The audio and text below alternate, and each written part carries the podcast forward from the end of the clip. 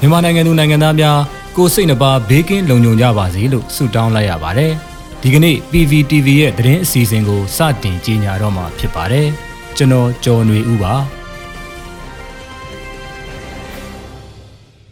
အခုပထမဆုံးအနေနဲ့မြန်မာနိုင်ငံမှာအကြမ်းဖက်စစ်ကောင်စီတပ်တွေရဲ့အစုလိုက်အပြုံလိုက်တပ်ဖြတ်မှုကျူးလွန်ခဲ့တာတွေပေါ် တမ်မတ်ကြီးဦးကျော်မိုးထွန်းကကုလသမဂ္ဂအထွေထွေအတွင်းရေးမှူးချုပ်ထံအကြောင်းကြားစာပေးပို့ခဲ့တဲ့သတင်းကိုတင်ဆက်ပေးသွားမှာဖြစ်ပါတယ်။မြန်မာနိုင်ငံမှာအကြမ်းဖက်စစ်ကောင်စီတပ်တွေရဲ့အစုလိုက်အပြုံလိုက်တပ်ဖြတ်မှုကျူးလွန်ခဲ့တာတွေပေါ်တမ်မတ်ကြီးဦးကျော်မိုးထွန်းကကုလသမဂ္ဂအထွေထွေအတွင်းရေးမှူးချုပ်ထံသို့ဩဂတ်စ်လ3ရက်နေ့ရက်စွဲနဲ့အကြောင်းကြားစာပေးပို့ခဲ့တာဖြစ်ပါတယ်။ပြီးခဲ့တဲ့ဇွန်လလအတွင်းကသခိုင်းတိုင်းဒေသကြီးကဏီမြို့နယ်တဲကကြေးရွာတွေမှာအသက်ခံထားရတဲ့ရုပ်အလောင်း40ကျော်တွေ့ရှိခဲ့ရမှုနဲ့ပတ်သက်ပြီး အကြမ်းဖက်စစ်ကောင်စီတပ်တွေရဲ့အစုလိုက်အပြုံလိုက်တပ်ဖြတ်ခဲ့တဲ့ဖြစ်စဉ်သတင်းရရှိမှုတွေကိုအကြောင်းကြားစာမှာထည့်သွင်းဖော်ပြခဲ့ပါတယ်။ဒါတွေဟာအကြမ်းဖက်စစ်ကောင်စီတပ်တွေကလူသားမျိုးနွယ်အပေါ်ကျူးလွန်တဲ့ရာဇဝတ်မှုတွေဖြစ်တယ်လို့လည်းဖော်ပြထားတာတွေ့ရပါတယ်။နိုင်ငံတကာအတိုင်းဝိုင်းအနေနဲ့လူသားချင်းစာနာထောက်ထားမှုဆိုင်ရာဂျားဝင်ဆွတ်ဖက်မှုတွေတိတ်နောက်မကြခင်အမြန်ဆုံးဆောင်ရွက်ပေးဖို့ကိုလည်းတောင်းဆိုထားတာတွေ့ရပါတယ်။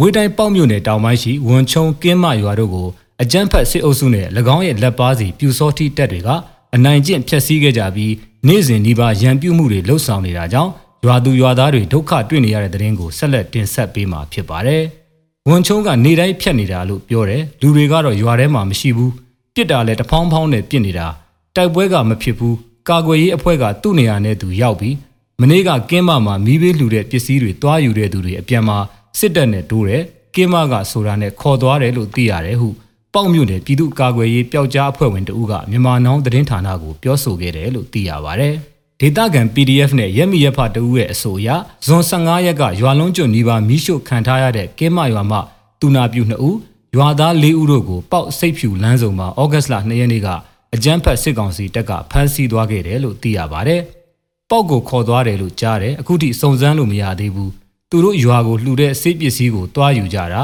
ကျွန်တော်တို့လည်းတောထဲမှာပဲနေနေကြတာရွာထဲမကက်ရဲသေးဘူးအရှိန်နဲ့ကိုလန့်နေရတာဟုကင်းမရွာရက်မိရက်ဖတူကမြန်မာနောင်းကိုပြောပြခဲ့တာဖြစ်ပါတယ်ဖမ်းဆီးခံရသူတွေဟာရွာမီးရှို့ခံထားရတာကြောင့်နေစရာမရှိသလိုအကြမ်းဖက်အာဏာသိမ်းစစ်တပ်ရဲ့ရန်ကြောင့်အခြားနေရာတွေမှာတွားရောက်တိမ်းရှောင်နေကြရပါတယ်လူဦးရေတထောင်ကျော်ရှိတဲ့ကင်းမဒေသခံအားလုံးနီးပါးဟာဒီကနေ့အထိမိမိတို့ရဲ့ရွာကိုမပြန်နိုင်သေးဘူးလို့သိရပါတယ်။ အလားတူအင်ဂျီ300ခန်းရှိပြီးလွန်ခဲ့တဲ့3ရက်ကနေအိမ်နှလုံးမီးရှို့ခံခဲ့ရတဲ့ဝန်ချုံရွာမှာလည်းအကြမ်းဖက်စစ်ကောင်စီတပ်တွေနဲ့၎င်းရဲ့လက်ပါစီပြူစောထီတွေခြေရှုပ်နေစေဖြစ်ပြီးနေ့စဉ်နေအိမ်၅လုံးမှ10လုံးအထိဖျက်ဆီးခံနေရတာဖြစ်ပါတယ်။အိမ်တွေကအပြင်ပိုင်းဖျက်ဆီးခံရတာတွေလည်းရှိတယ်။တချို့အိမ်တွေကြတော့အတွင်းထဲကဘီရိုတွေဇပွဲတွေတကားတွေဖျက်ဆီးပစ်တာအုပ်ရေကန်တွေဘာတွေဆိုလဲဖောက်ထားကြတာလို့ဝန်ချုံရွာကန်တဦးကပြောပြခဲ့ပါတယ်။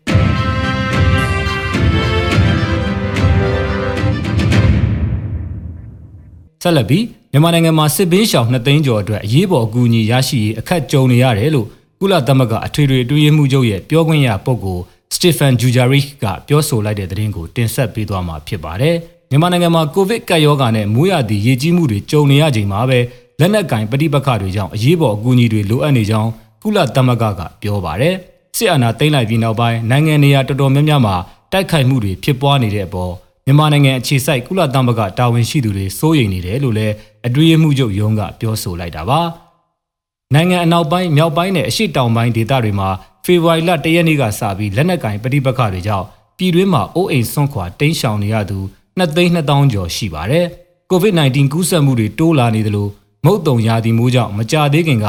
လူပေါင်းထောင်ချီရေဘေးတင်ခဲ့တဲ့အချိန်မှာပဲအခုလိုအခြေအနေနဲ့ကြုံနေရတာပါ။စားနပ်ရိက္ခာမလုံလောက်မှုအခြေအနေတွေကြီးထွားလာနေသလို ကျန်းမာရေးဗန်လုပ်ငန်းတွေလိုအရေးကြီးတဲ့ဝန်ဆောင်မှုလုပ်ငန်းတွေမှာလည်းအဟံအတားတွေဆက်လက်ပေါ်ပေါက်နေပါတယ်လို့ကုလသမဂ္ဂပြောခွင့်ရစတီဖန်ဂျူဂျာရစ်က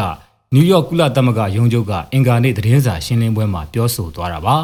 အရေးပေါ်အကူအညီနဲ့အကာအကွယ်လိုအပ်နေသူလူ3သန်းလောက်အတွက်စာနာမှုအကူအညီပေးရေးလုပ်ငန်းတွေနဲ့ပူးပေါင်းပြီးထောက်ပံ့ဖို့စ조사ပင်မဲ့အသွာအလာကန့်သက်ချက်တွေကိုဗစ်ကပ်ရောဂါကာကွယ်ရေးအစီအမံတွေနဲ့လုံခြုံမှုမရှိတဲ့အခြေအနေတွေကြောင့်အဟံအတားတွေရှိနေကြောင်းလည်းပြောပါရယ်။ ကိုဗစ်ကပ်ရောဂါကြုံရခြင်းကစလို့အဆိုးဆုံးအခြေအနေနဲ့ရင်ဆိုင်နေရတဲ့မြန်မာနိုင်ငံဟာစစ်တပ်ကအာဏာသိမ်းလိုက်ပြီးနောက်ပိုင်းကျန်းမာရေးဝန်ထမ်းတွေအပါအဝင်ပြည်သူလူထုတရက်လုံးနဲ့စန့်ကျင်လှုပ်ရှားမှုတွေနဲ့လက်နက်ကင်ပဋိပက္ခတွေနိုင်ငံအနှံ့ပေါ်ပေါက်နေတာဖြစ်ပါတယ်။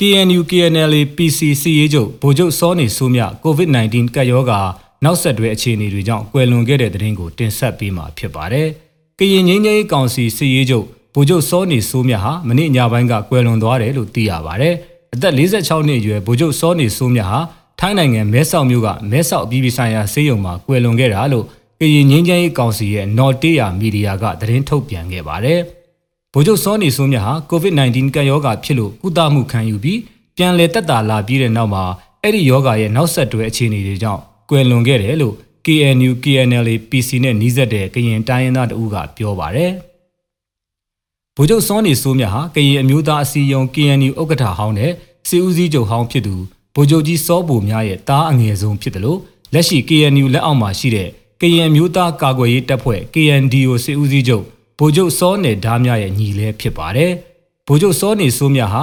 NCA လက်မှတ်ထိုးထားတဲ့သူ့ရဲ့အဖွဲ့အစည်းဖြစ်တဲ့ ကရင်ငင်းချမ်းရေးကောင်စီကိုယ်စားလှယ်အဖြစ်ပြီးခဲ့တဲ့အစိုးရလက်ထက်ကငင်းချမ်းရေးဆွေးနွေးပွဲတွေမှာတက်ရောက်ခဲ့တာကိုတွေ့ရပါတယ်။ပြီးခဲ့တဲ့လကပဲကရင်လက်နက်ကင်အဖွဲ့တစ်ခုဖြစ်တဲ့ဒီမိုကရေစီအကျိုးပြုကရင်တက်မတော် DKBA စစ်ဦးစီးချုပ်ဖြစ်သူဗိုလ်ချုပ်ကြီးစောမူရှိဟာလည်း COVID-19 ကပ်ရောဂါကြောင့်ကွယ်လွန်ခဲ့ပါတယ်။ဒါ့အပြင်ကရင်နယ်ခြားဆောင်တပ်ဖွဲ့ BGF ကတပ်မှုတဦးဖြစ်တဲ့ဗိုလ်မှူးကတုံးဟာလည်း COVID-19 ကြောင့်ပဲကွယ်လွန်ခဲ့တာပါ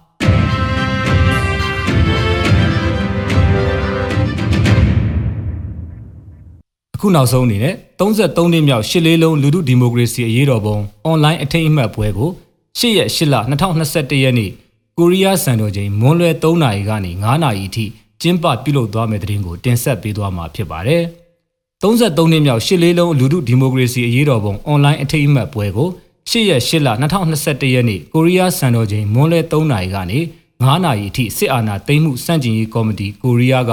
ကမကထပြုလုပ်ပြီး တောင်ကိုရီးယားအခြေစိုက်မြန်မာဒီမိုကရေစီအရေးလှုပ်ရှားတဲ့အဖွဲ့အစည်းတွေနဲ့ပူးပေါင်းကျင်းပပြုလုပ်သွားမယ်လို့သိရပါဗျ။အွန်လိုင်းကနေကျင်းပပြုလုပ်မဲ့ဒီအခမ်းအနားမှာအမျိုးသားညီညွတ်ရေးအစိုးရယာယီသမရဒူဝါလရှိလာ88မျိုးဆက်ငင်းချမ်းရေးနဲ့ပွင့်လင်းလူအဖွဲ့အစည်းခေါင်းဆောင်ဦးမင်းကိုနိုင်တောင်ကိုရီးယားသမရနိုင်ငံရဲ့အာဏာရဒီမိုကရက်တစ်ပါတီဥက္ကဋ္ဌစုံယောင်ကြီးနဲ့ကိုရီးယားမြန်မာချစ်ကြည်ရေးအဖွဲ့ဒုဥက္ကဋ္ဌဘဂီယောင်ဆွန်းတို့ကတိုက်ရိုက်မင်ကွန်ပြောကြားသွားမှာဖြစ်ပါတယ်။အခမ်းအနားအစီအစဉ်ရ မြန်မာနဲ့ကိုရီးယားအဖွဲ့အစည်းအသီးသီးကကိုယ်စားလှယ်တွေကစကားပြောဆိုခြင်းတေးသချင်းတန်ကျက်နဲ့ကြပြရွတ်ဖက်တီဆိုခြင်းတွေပါဝင်မယ်လို့လည်းသိရပါဗျ။ဒီအခမ်းအနားမှာမြန်မာနိုင်ငံရဲ့အမျိုးသားညီညွတ်ရေးအစိုးရ NUG ကိုနိုင်ငံတကာအစိုးရတွေအနေနဲ့ဘာကြောင့်အတိအမှတ်ပြုတင်တယ်ဆိုတဲ့ထုတ်ပြန်ကြေညာချက်ကိုလည်းဖတ်ကြားသွားမယ်လို့သိရပါဗျခင်ဗျာ။ရေတော်ဘုံအောင်ရမည်ရေတော်ဘုံအောင်ရမည်